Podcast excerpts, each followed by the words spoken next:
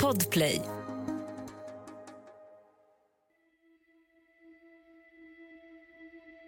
Tidigare, i Kalla fall.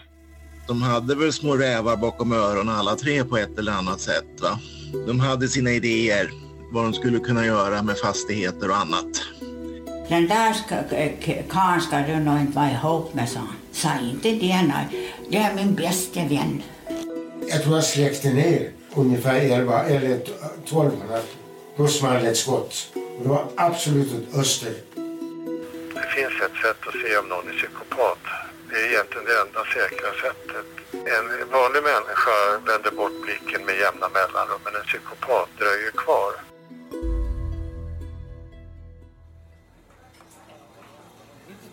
Sommaren 2012 fortsatte vi arbetet med att gå igenom Gotlandspolisens omfattande material i fallet Sjögren.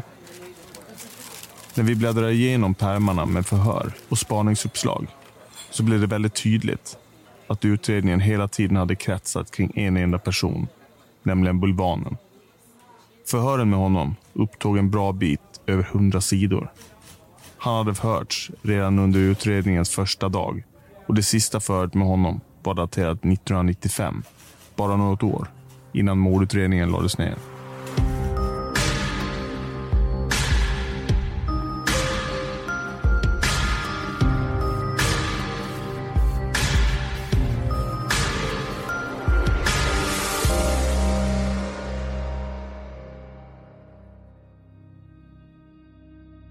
En bra inblick i Gotlandspolisens inställning under åren som gick efter försvinnandet får man i en artikel i tidningen Allers från 1985. Där talade spaningsledaren Lennart Hoas ut under rubriken “Jag ska la fast mördaren innan jag pensioneras”.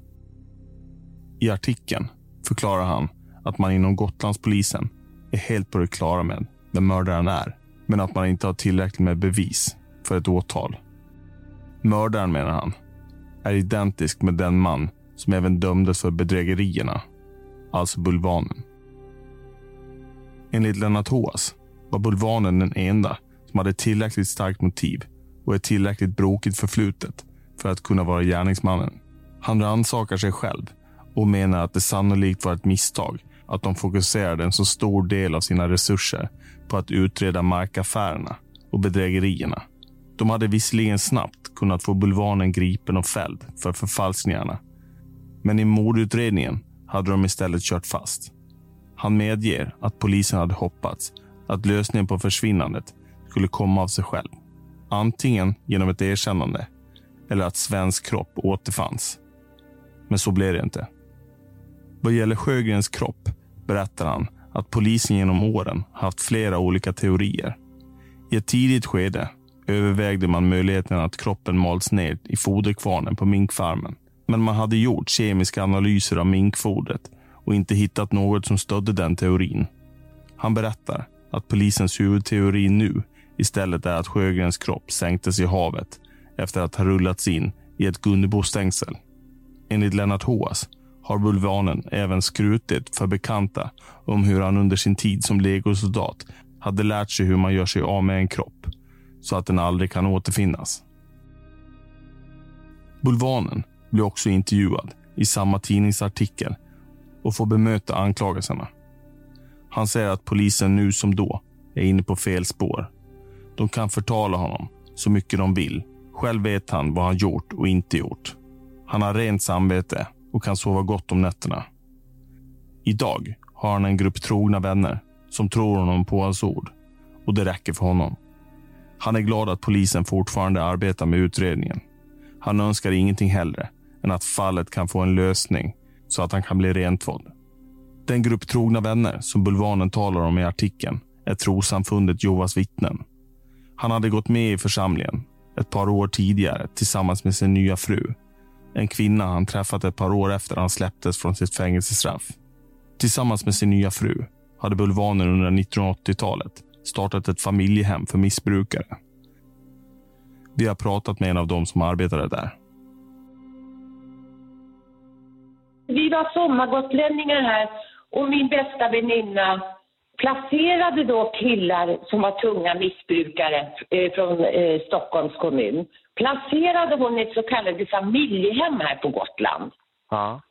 Och det var så hon lärde känna Då placerade hon några killar hos honom och sen hade hon några lantbrukare som tog sig an de här pojkarna. Och sen jobbade jag extra Eh, på fångvårdsanstalten som var en studieanstalt.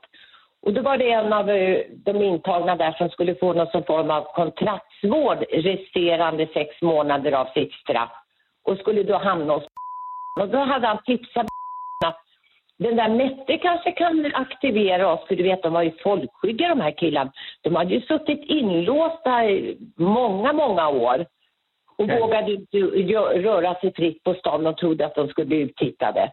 Och då började jag arbeta extra där någon kväll i veckan och kanske någon helg i månaden och tog ut de här killarna på olika aktiviteter. Ja. Det var så jag ramlade in för jag tänkte, ja men det är bra, hon Mette får 70 kronor i timmen, det här måste vara 25-30 år sedan.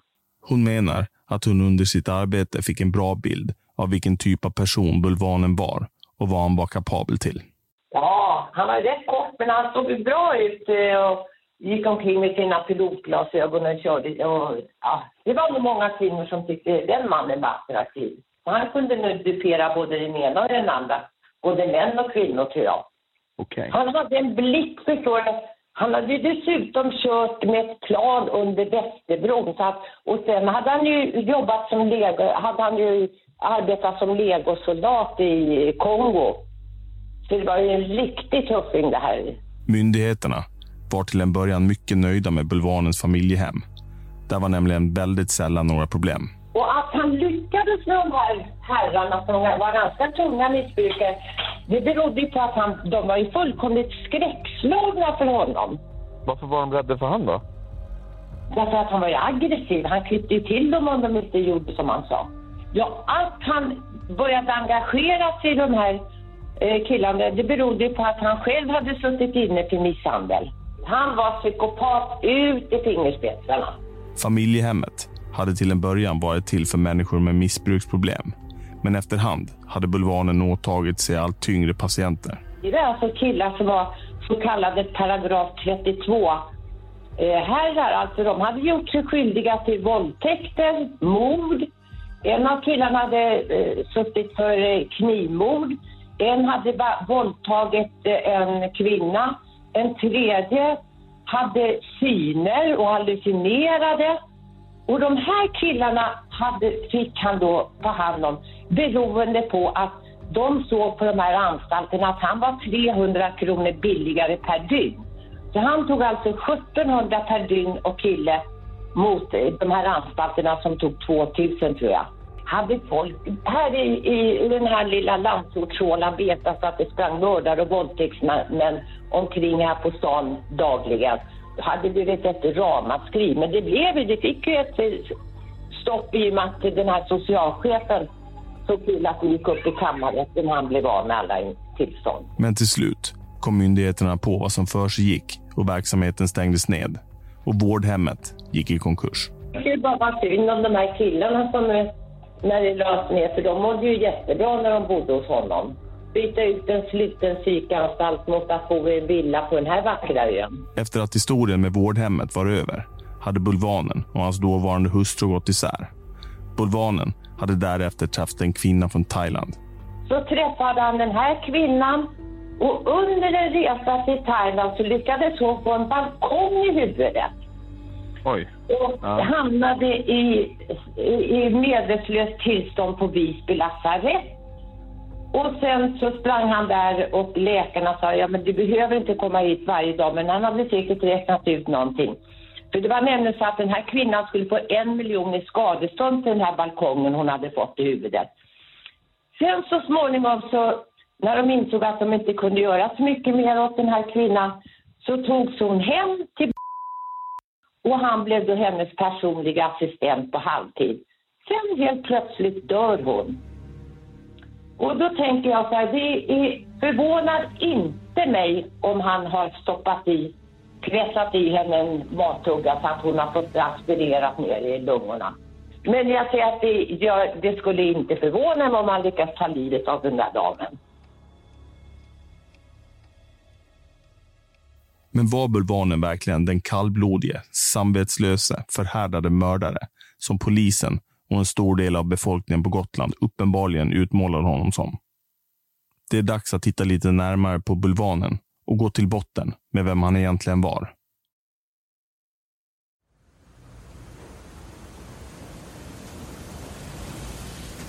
I ett snöslaskigt Stockholm vårvintern 2022 åkte jag, Urban Järdek, med tunnelbanan ut till en förort i södra Stockholm.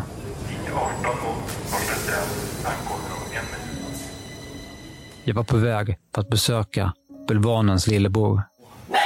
Inte skälla lilla Sitto. Vill du ha kaffe om jag kokar? Ja, men gärna. Ja. ja. Bulvanen föddes 1939 som äldste sonen av fem bröder. Föräldrarna och hårt arbetande lantbrukare. Ja, jag växte upp eh, i Gullrupe, Halbjäns. Och, och gården var ju 40 tunnland. Pappa hade egen mark 20 och sen arrenderade han i Lundsmyr, hette det, 20 tunnland. Pappa hade ju sju eh, tunnland sockerbetor så hela sommaren gick, gick åt att gallra sockerbetor. Och sen när det var slut då var det höjet, så eh, skulle in löshöj, man blåste upp med höjblåsare. Och sen när det var slut, då var det att hacka betor. Och sen var ju sommarlovet slut. Så det var ju att jobba hela sommaren. Ja. Det, det, var det. Och då var man ju avundsjuk på ungdomar inifrån Visby. De hade ju semester eller sommarlov. Ja. Jag var ju stor familj. Mamma hade ju fem barn då. Ja. Och sen var det två farfar och farfars bror. Så vi var ju sju karlar som mest hemma. Så det var jobbigt för mamma då. En sak som bulvanens lillebror särskilt minns från uppväxten är den tama räv som familjen hade som husdjur. Det, det var någon som hade skjutit en rev och, och då såg den att, att, att den hade dia valpar och så. De hittade grytet. Ja, ja fy fasen. Lilla Lollo. Det var en fin liten rev. Lilla Lollo, vi var verkligen kompisar. Ja. Bulvanens lillebror hade tidigt fått ett intresse för boxning. Han hade därför redan i unga år flyttat till Stockholm för att kunna följa sin dröm om att bli boxare. En dröm som så småningom också skulle resultera i tre SM-guld. Eh, eh, ja, ja, jag flyttade från Gotland när jag var 19 år. Ja, ja för han hjälpte mig då att få tag i det rummet på en villa på Enskedevägen där och det hjälpte han mig. Då sparrade jag i exercishuset. Thomas Svensson hette han, för han har kommit tvåa på junior-SM. Och han sa till mig, åk till en stad som, du kan, som bedriver boxning för du kan gå långt. För jag har liksom medfödda anlag och det märkte han ju direkt. Jag fintade och lurade in smällar på honom. Ja. ja. Har, för, har du några bilder på festen och sådär? Ja. Det här är bara boxning. Så, så, så såg jag det blev svensk juniormästare. Ja, där ja. ja. Här. En, två, tre. Där. Åh fan. Ja, han är sig lik. Ja. Jo, du, det var jäkla... Det tror jag att han utan att... Jo då. Han är sig lik. Hur gammal är han där då? Han var inte stor. Han var inte lång alltså. Jo, han var kort. Mm. Vill ni se en bild från Bulvanens skolkatalog så kommer vi lägga upp den på vår Instagram, kalla understreck fall. Redan innan jag pratade med Bulvanens lillebror hade jag även via telefon fått kontakt med en annan person med tydliga minnen av Bulvanen från hans uppväxttid. Nämligen en av hans barndomsvänner som växte upp i grannsocknen Buttle där Bulvanens mamma var född. Ja, första gången vi sågs, ja, då kom han på en liten röd cykel. Och jag kan peka ut platsen precis alltså i Guttle där vägen går ner till Altheimer. Vi började prata där och såg att vi var ungefär eh, jämngamla någonting och att, att han var hos mormor och morfar, den här gänget. Va? Därefter hade de gått på mellanstadiet tillsammans. Första gången vi gick sjunde klass i Vänge. Ja. Då kom i samma klass där och för då var det liksom Buttle, Vänge, Guldruppe, Auktionen. Mm. Eh, sammandrag i, i samma, i sjunde då. Mm. I tonåren hade han och Bulvanen fått ett gemensamt intresse i motorcyklar. Och sen i alla fall, eh, då började vi träffas med motorcykelåkande då. Ja. Bulvanen hade tidigt gjort sig känd för sin våghalsighet. Han hade motorcyklar, Silverpilen som han körde med. Och sen köpte han en Triumph Tiger 210. Så han var väldigt intresserad av motorcyklar, sen att åka fort.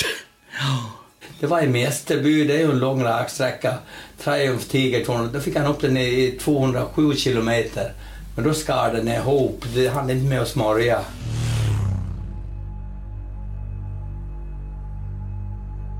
Jag frågade Bulvanens bror om han någonsin hade hört talas om de rykten som gjorde gällande att Bulvanen skulle ha varit misstänkt för mordet på Selma Timgren i Fröjel som skedde 1954.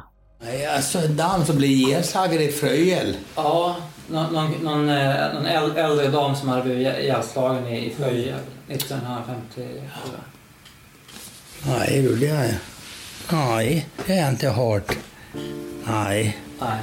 Inför sommaren 2021 kontrollerade hela polisutredningen i fallet Selma Timgren. Så fanns Bulvanens namn inte upptaget i utredningen överhuvudtaget. Till råga på allt, den lätta motorcykel som Bulvanen ägde, en Husqvarna Silverpilen, hade inte ens börjat tillverkas förrän 1955. Alltså till ett år efter att mordet skedde.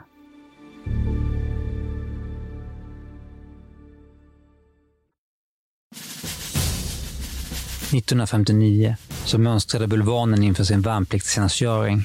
Han gjorde mycket bra ifrån sig och blev uttagen till ett av Sveriges mest prestigefyllda förband. När jag gjorde fallskärmsjägarskolan i Karlsborg, det var ju stenhård jägarmarsch och så. Men det klarade han. För det var ju många, Det vill säga om det var 500 så var det nog bara 100 som var utbildade. För när de inte klarade av proverna, då fick de komma till annat regemente. Då. Så han var ju hård kroppsligt och tränad. Han trivdes bra inom militären och gjorde mycket bra ifrån sig. Så bra att han även gick vidare till befälsutbildning och slutade värnplikten som plutonchef och sergeant. Den högsta grad man som värnpliktig kunde uppnå på den tiden. Eh, men det där med att han skulle varit med i, eh, i Främlingslegionen eller varit, varit i Afrika och sånt. Det sa han till mig i alla fall. Ja, han sa det till dig? Ja. Eh, men, men hur tol tolkade du det som att, att det hade hänt på riktigt eller tolkade du det som att det var... Ja, det, det har, jag, har jag trott hela tiden. Bulvanen har själv för många olika personer berättat om hur han efter värnplikten gick med i franska främlingslegionen och därefter var legosoldat i Kongo. Vi har inte kunnat hitta några som helst belägg för de här påståendena. Nej, det, det vet inte jag om han har varit. Ibland, eh, vad han sa, man ska inte ta, ta med en nypa salt ibland. Ja, han var, han lurades mycket så där, det gjorde han. Ja. Efter värnplikten flyttade Bulvanen till Stockholm.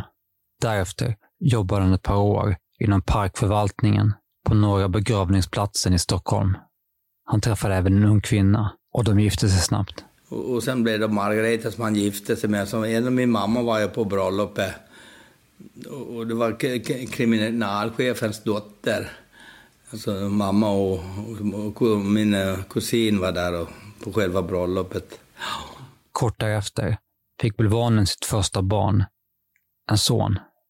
Men Bulvanen hade större ambitioner än att jobba på kyrkogården. Han började studera till ingenjör via en distanskurs, men tröttnade efter ett och ett halvt år. Han bestämde sig istället för ett annat yrke. Han skulle bli brandman. 1964, vid 25 års ålder, blev han antagen till Statens brandskola och något år senare blev han färdig brandman. Då jobbade han ju brand, Johannes brandstation. Och det var ändå på tv, någon som eh, de hjälpte ur som hade blivit inlåst eller vad det var. Då fick man se honom på tv, en liten brick. Ja, och så var Johannes brandstation han jobbade då. Jobbet som brandman ingick också att köra ambulans. Han, han kom med ambulansen med sirenerna på. Mm. Och så stannade han och var inne och snackade med mig en kvart någonting.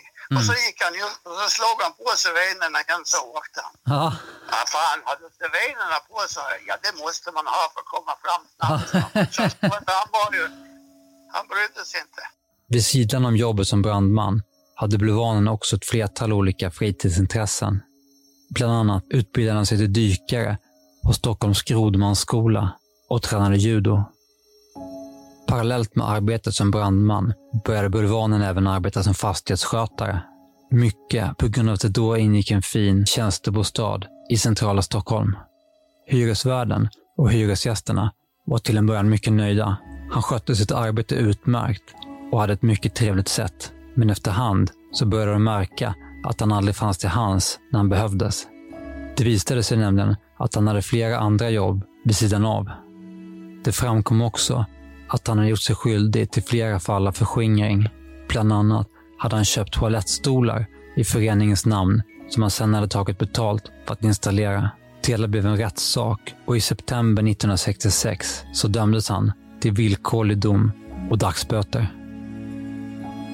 Bulvanens lillebror minns att Bulvanen betydligt tidigare hade börjat uppvisa tecken på att inte bete sig helt ärligt. Ja, han hade skulder. Och det började då när han bodde inne hos moster där i Klinte. Och sen köpte kläder, vet han betalade Han köpte betal, betalade han inte. Ja. Så där fick också mamma betala. Ja. Ja. Det var inget roligt alls det där. Nej. Nej. Redan 1957, vid 18 års ålder, hade han blivit påkommen med att ha stulit sammanlagt 60 kronor ur kassan på en bensinstation. Han dömdes till skyddstillsyn.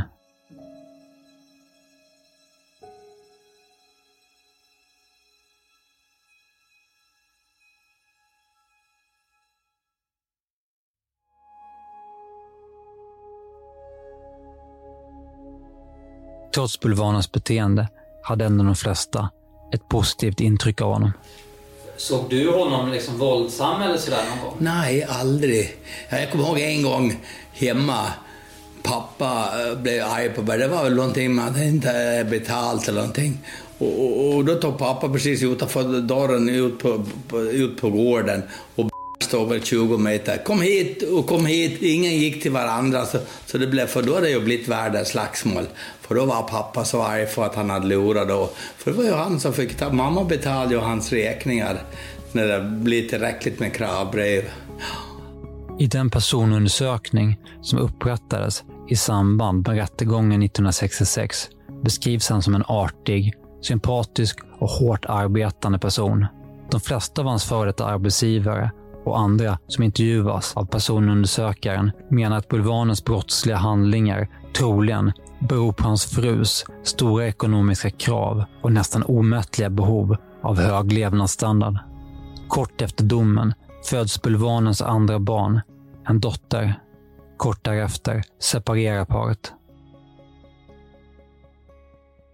Bulvanen slutar en tid senare på brandkåren. Det sa han väl själv någon gång, liksom. Han fick sparken mer eller mindre för att han hade åkt under Stockholms broar med ett flygplan för han tog ett flygcertifikat. Ja, ja. Då flög han under broarna. Han var helt orädd för allting. Mycket riktigt så prickades två privatflygare för att ha flugit under Västerbron i april 1967. Bulvanen var dock inte en av dem. Han har överhuvudtaget aldrig haft en flyglicens. Nej, han var nog... Han hade nog fantasi och kunde hitta på grejer. Det tror jag. Man fick nog ta med en nypa salt, det han sa många gånger. Efter brandkåren började Bulvanen, enligt egen uppgift, arbeta som egenföretagare i byggbranschen i Stockholm. Ja, jag höll väl på med lite affärer och sådär, ja. För då hade han ju inte något, något, något eh, riktigt jobb vad jag kommer ihåg i alla fall. Men han kunde väl inte ha låtit någon annan liksom bestämma och liksom... Jag tror att han hade svårt för det. Ja, han kör ju av sitt eget race. Och sen när, när, inte pengarna räckte, det var då han gjorde sådana här eh, skumma grejer om man säger. Att få in pengar. Så det var ju inget roligt liv han levde, det, det var det ju inte faktiskt. Samtidigt gjorde han sig även skyldig till en uppsjö olika småbrott. Då var han ihop med en annan dam, på en trevlig dam också. Men det var, jo, jo. Då lurade han väl till sig allt eh, som hon hade då. Vet du. Det var han, han var ju väldigt slipad så. Men han kunde manipulera folk. Även för detta döms han till villkorlig dom. I januari 1969 flyttade Bulvanen tillbaka till Visby. Där fortsatte han i stort sett omedelbart med olika små bedrägerier. Men sommaren 1970 såg det ändå ut som att Bulvanen äntligen hade börjat få rätt sida på sitt liv. Han hade då startat en målerifirma. Firman hade dock ganska snart börjat gå med förlust och han hade svårt att betala ut lönerna. Bedrägerierna tog då återigen fart och han genomförde flera checkbedrägerier där han lurade till sig kontanter i utbyte mot checkar som saknade täckning.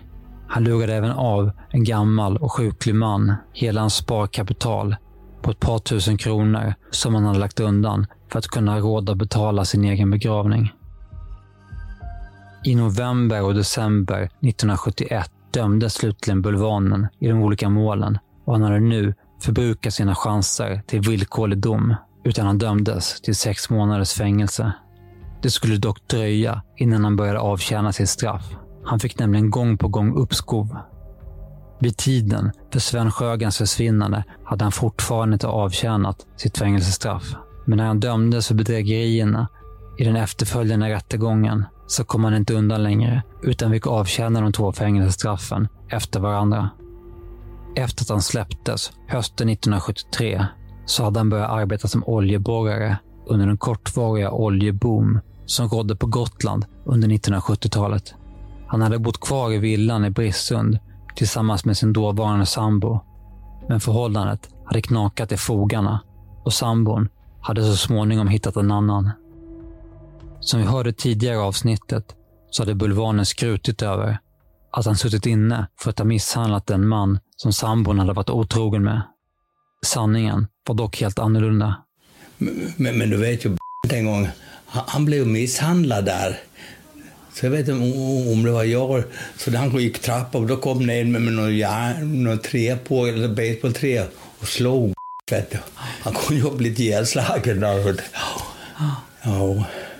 Då var väl jag så arg på, för då var väl jag ihop med den här, ja nej, det, vilka, vilka grejer. Ja.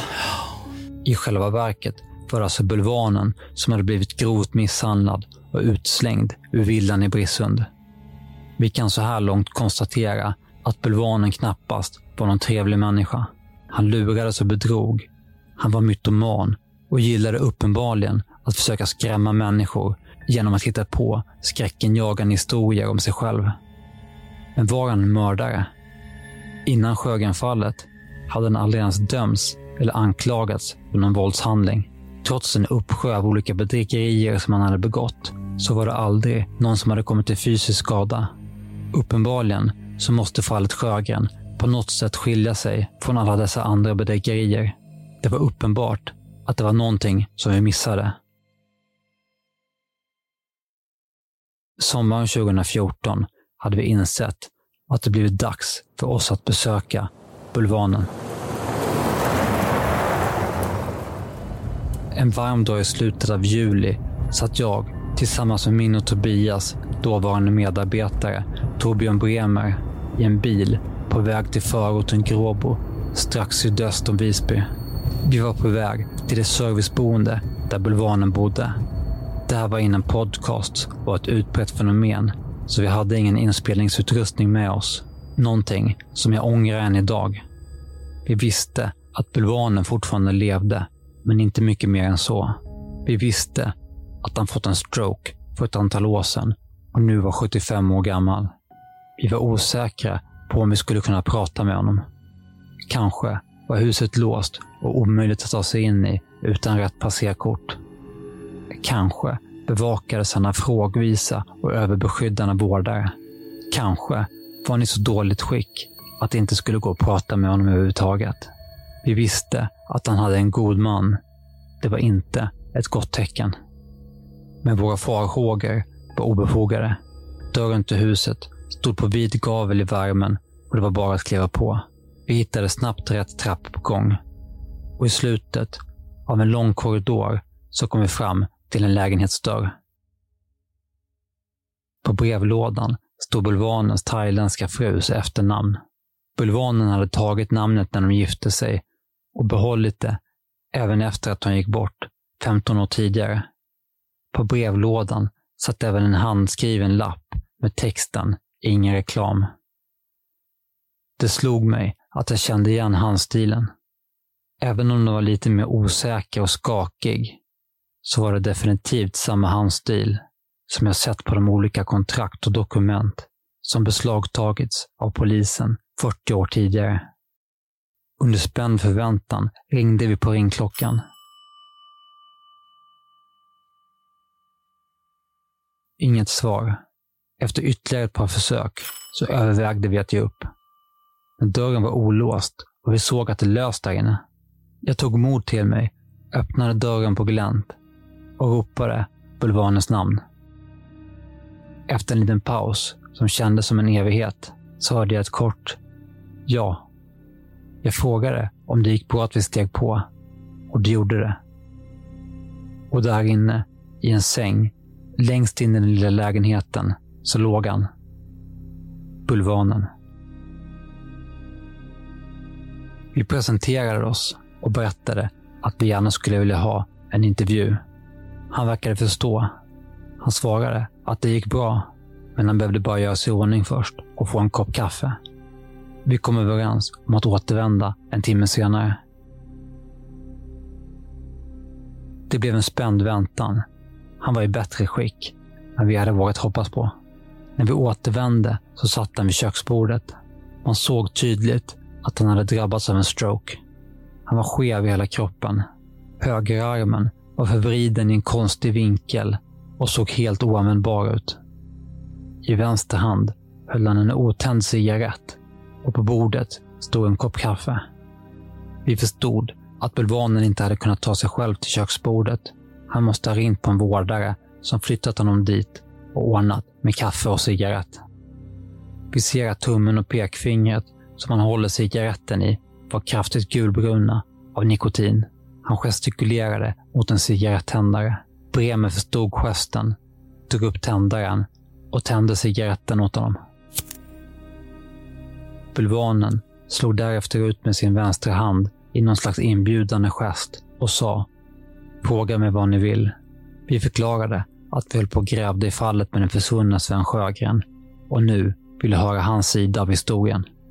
Hur hade det varit att leva med fallet hängande över sig alla dessa år? Han svarade att det varit för jävligt, men att han nu hade lärt sig leva med det. Folk på Gotland har haft sin bild klar, men han menade att han fick skylla sig själv lite. I början så hade han försökt bemöta anklagelserna genom att gå ut i media, men det hade inte gjort saken bättre. Vi frågade ut honom om hans uppväxt, åren i Stockholm och tiden innan Sjögren-affären. Men han verkade inte särskilt intresserad av att prata om detta, utan svarade ganska fåordigt. Det var inte förrän vi kom in på Sjögren-affären som det glimtade till i hans ögon och vi märkte att han blev engagerad. Han berättade att han inte riktigt minns hur han och Sjögren hade kommit i kontakt med varandra, men att han har en känsla att han redan innan han träffade Sven Sjögren hade hört talas om att det pågick trassliga affärer uppe i Lumlunda. Det kan vara så att han då hade sett en möjlighet att göra affärer och därför hade sökt upp Sven Sjögren. Han berättade att Sven var en mycket trevlig person och de hade kommit bra överens. Vi kom sedan in på direktörens roll, hur han och direktören hade kommit i kontakt med varandra. Enligt bulvanen så var det direktören som hade sökt upp honom kort efter att han hade köpt det norra skiftet av Sjögren. Vi påpekade att han under utredningen hade sagt att det var tvärtom. Att han hade sökt upp direktören. Han svarade att om han hade sagt så, så var det en lögn. Det hade även varit direktören som kommit med idén att han skulle försöka köpa sedan Sjögrens södra skifte och sälja det vidare till honom. Bulvanen berättade att han inte hade tvekat en sekund, utan omedelbart hade hoppat på förslaget. Han förstod nämligen att här kunde det finnas stora pengar att tjäna. När vi frågade honom om han inte hade några betänkligheter att lura Sven i markaffärerna så svarade han bara kort att några sådana känslor hade han aldrig haft. Bulvanen berättade att direktören var en person som det var svårt att komma underfund med. Han hade inte besökt direktören i hans hem särskilt många gånger. De flesta gångerna hade de träffats på direktörens kontor vid minkfarmen. Bulvanen hade under deras samtal fått uppfattningen att direktören i sinnet hade förberett sig på Sjögrens mark. Bulvanen höll fortfarande fast vid att han på intet sätt varit inblandad i Sven Sjögrens försvinnande. Han förnekade även bestämt att han skulle ha förfalskat några av kontrakten. Han menade att om han verkligen hade gjort det så hade han inte haft något problem så här 40 år efteråt att erkänna det. Vi frågade honom vad han själv tror hände med Sjögren. Han svarade att det är någonting som han har tänkt på mycket under åren. Till en början så trodde han verkligen att Sven hade åkt till fastlandet. Men efterhand så har han mer och mer börjat misstänka att han blev mördad. Han berättade att cirka en vecka innan Sven försvann så hade Sven via någon utomstående person fått reda på att direktören hade fått köpa marken. Sjögren hade känt sig besviken och föll bakom ljuset. De hade satt sig ner och diskuterat saken. De hade inte direkt kommit fram till något. Men Sjögren hade nämnt att han funderade på att gå över till direktören med pengarna och häva köpet. Bara några dagar senare så hade Sven försvunnit. Bulvanen säger att han inte kan dra någon annan slutsats än att Sjögren verkligen måste ha gått över till direktören. Där måste någon form av konflikt ha uppstått som slutat med Sjögrens död. Kanske hade direktören därefter röjt undan kroppen med hjälp av någon av sina anställda genom att måla ner den i kvarnen. Precis som ryktet hade sagt hela tiden. Bulvanen berättade att han tyckte polisen på Gotland var fåskallar. Trots att både han och direktören hade haft motiv att göra sig av med Sjögren så hade man lagt all energi på att utreda honom medan direktören hade man lämnat i fred. Bulvanen berättade att han till en början hade försökt få polisen att titta på andra möjliga lösningar på försvinnandet.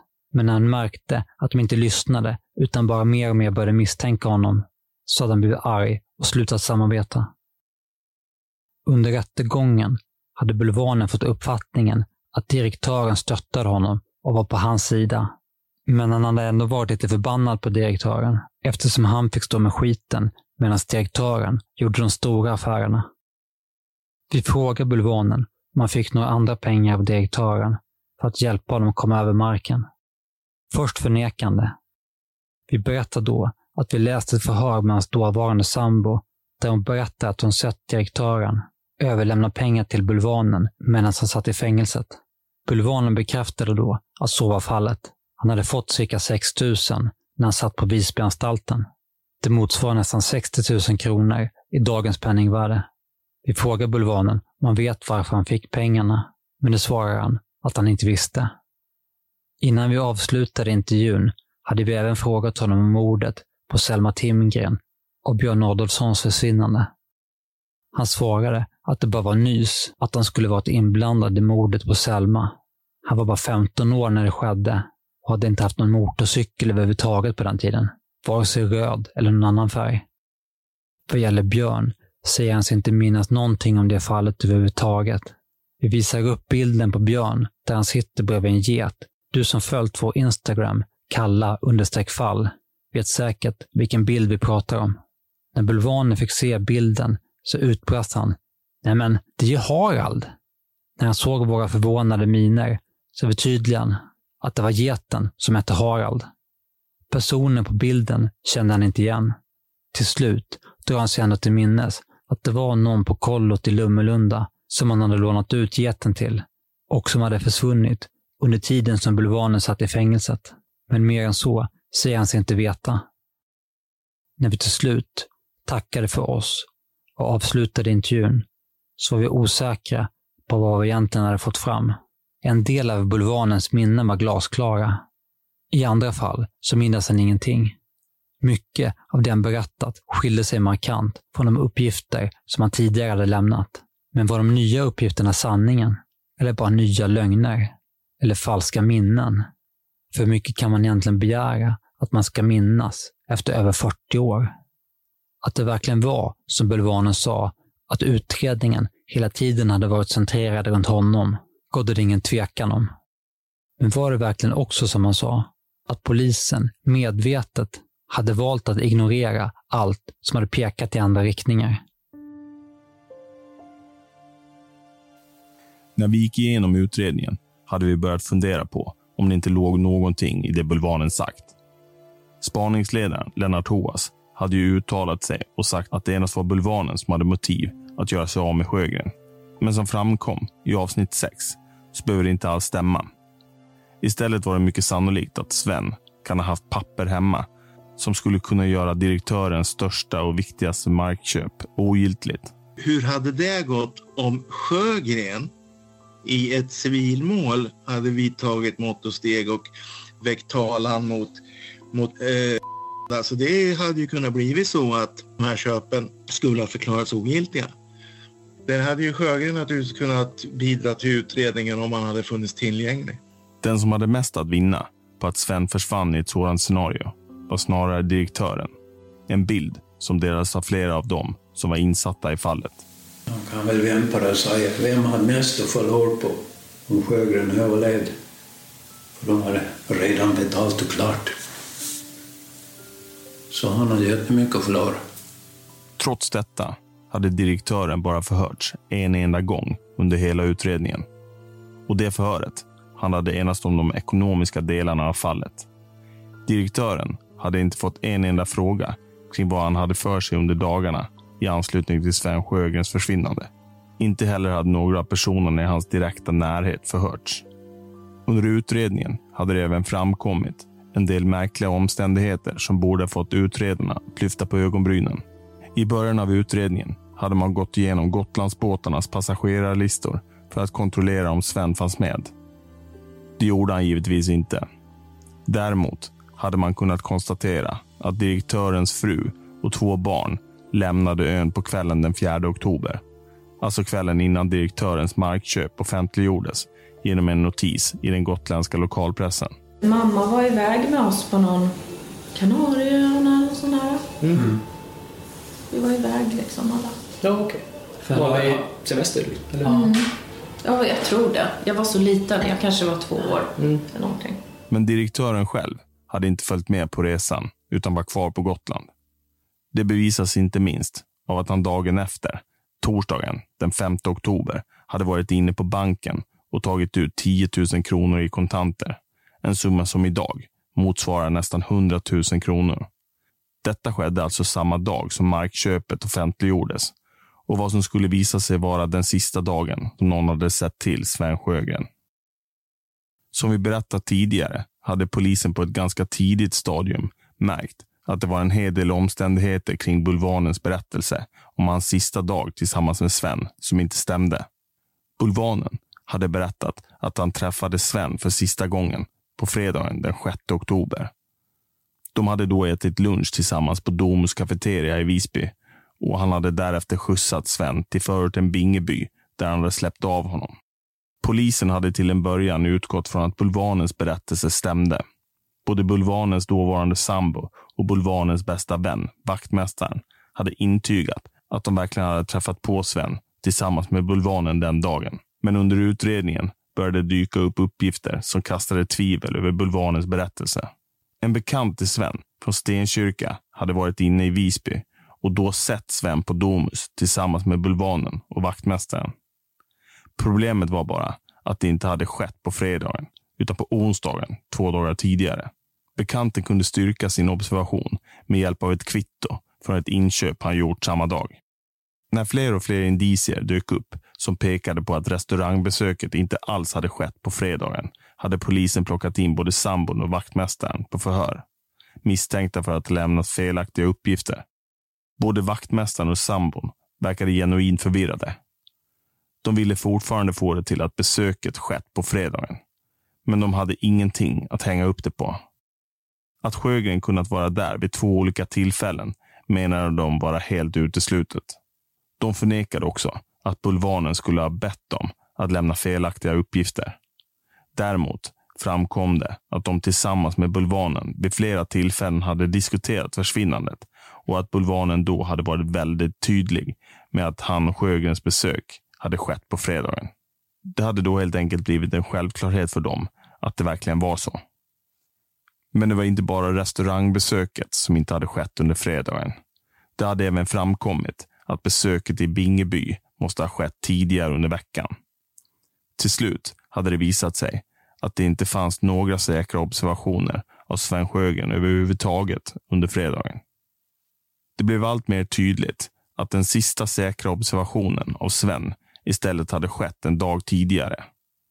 Under eftermiddagen, torsdagen den 5 oktober, hade nämligen ett par olika vittnen sett Sven när han arbetade med att plöja sina åkrar på det södra skiftet.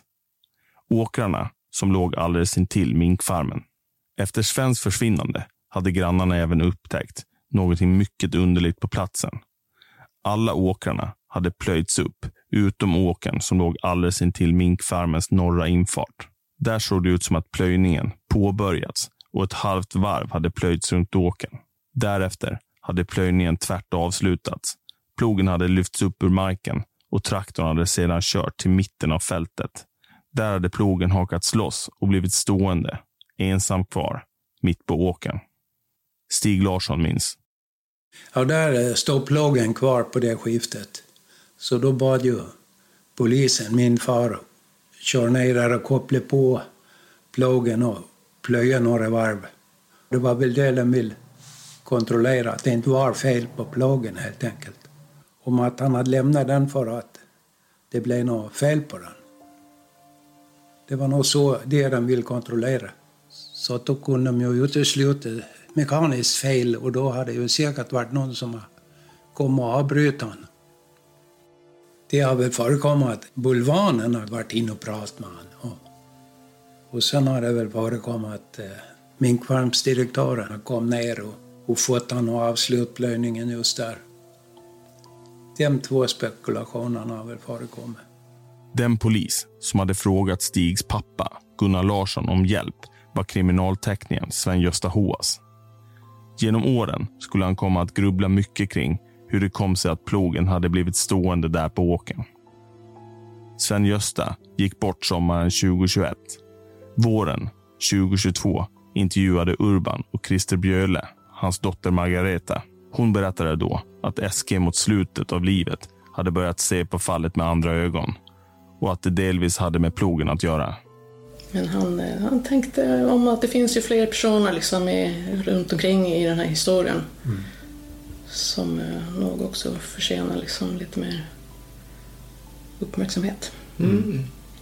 Eh, och just vid det här, när han lämnade sin traktor så måste han ha konfronterat direktören. Mm. Så, så trodde han ju att det var direktören som utförde själva... Ja, okej. Han var ju beväpnad. Han gick ju beväpnad. Mm. Men han tror att, trodde att var bulvanen skaffade bort liket och eh, sen hade en hållhake på direktören i Mm. resten av livet. Mm. Och just som sagt, det var lite för mycket eh, makt och eh, hållhakar på varandra kan jag tänka mig att det fanns från lite olika håll. Mm. Inte bara liksom bulvanen, direktören, utan även eh, på andra personer i, i samhället. En annan sak som vi upptäckte när vi gick igenom utredningen gällde den mest berömda teorin om vad som hände med Sven Sjögrens kropp. Att den maldes ner till minkmat. Polisen hade gått ut i pressen med att man under utredningen hade analyserat minkarnas avföring för att leta efter mänskliga ben och andra spår. Men det stämmer inte. I själva verket gjordes aldrig någon sådan undersökning och minkfarmen genomsöktes överhuvudtaget aldrig av polisen. Det var inte bara att göra tror jag. Nej. Mm. Men det kan vara så att man bara pratar om det men inte Att det aldrig gjordes, gjort, liksom. ja, det, det vet jag inte liksom. Om det. Men jag vet att de pratade om det då, att det skulle göras. Mm. Inte att det, att det var gjort, utan att det skulle göras. Men jag kommer också ihåg att det var en fråga om, om det skulle kunna ge någonting. Mm. Mm. Som det ska ju rätt mycket till att man ska kunna hitta någonting. Trots detta hade det i utredningen inte saknats spaningsuppslag som pekade mot att detta makabra scenario faktiskt skulle kunna stämma. I november 1972, när utredningen pågick som bäst, hade en kvinna hört av sig till polisen och berättat att hon arbetade i matsalen på Visby lasarett. En av hennes kollegor var en ung kvinna som var dotter till en man som arbetade på direktörens minkfarm. Mannen hade arbetstiteln köksmästare, vilket innebar att han ansvarade för att mala ner och blanda till minkarnas foder. Dottern hade för sin kollega berättat att hennes pappa tidigare haft dåligt med pengar. Men nu, under hösten, hade han istället plötsligt fått ovanligt gott om pengar. Bland annat hade han köpt en relativt ny Volvo Amazon, en färg-tv och en ny tvättmaskin. Och han hade även gett dottern en ny dammsugare i present.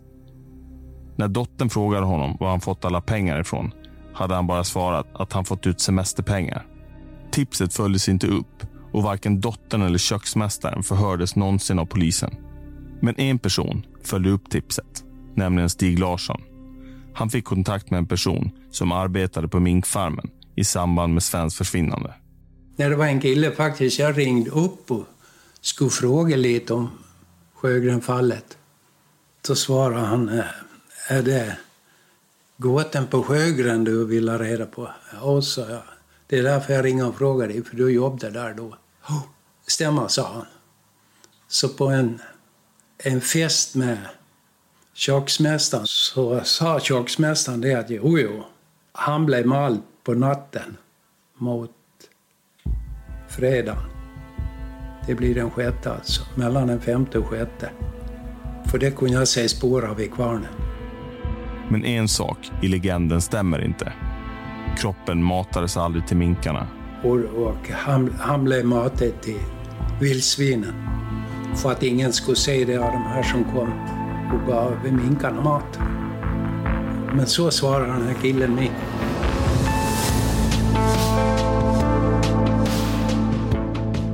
Nästa gång i Kalla fall. Jag tror han kanske var lite radiostyrd på ett sätt. Jag vet inte om det är Arsberger eller vad heter när man liksom bara har ett mål och man gör det. och Man ser inte liksom det här runt omkring. Och vad folk än säger och helt galna runt honom så är det som att hälla vatten på en gås. Då är du äh, dotter till och Inte. inte... Nej, nej jag, Men var, du- jag kallade ju honom pappa en period. Okej. Minkfarmaren fick inte köpa, men, men då, då fick, hade han väl falska papper och, och förfalskade namnteckningen. Så han var ju inte så snäll på det viset. Jag stod inte i tidningen när jag satt kvar, men du jag kollade aldrig. Nej, då ljög tidningen. Aj, aj. Tänk om det var så nu då.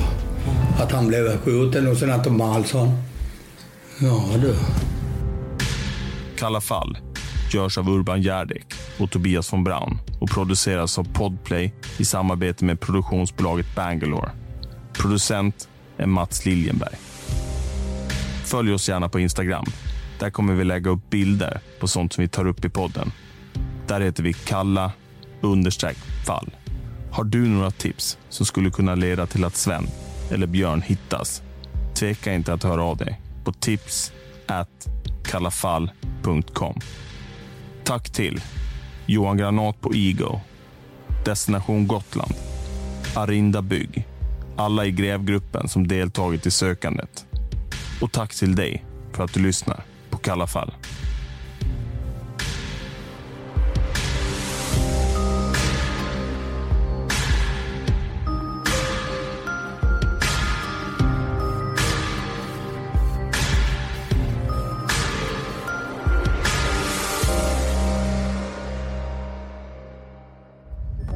Podplay, en del av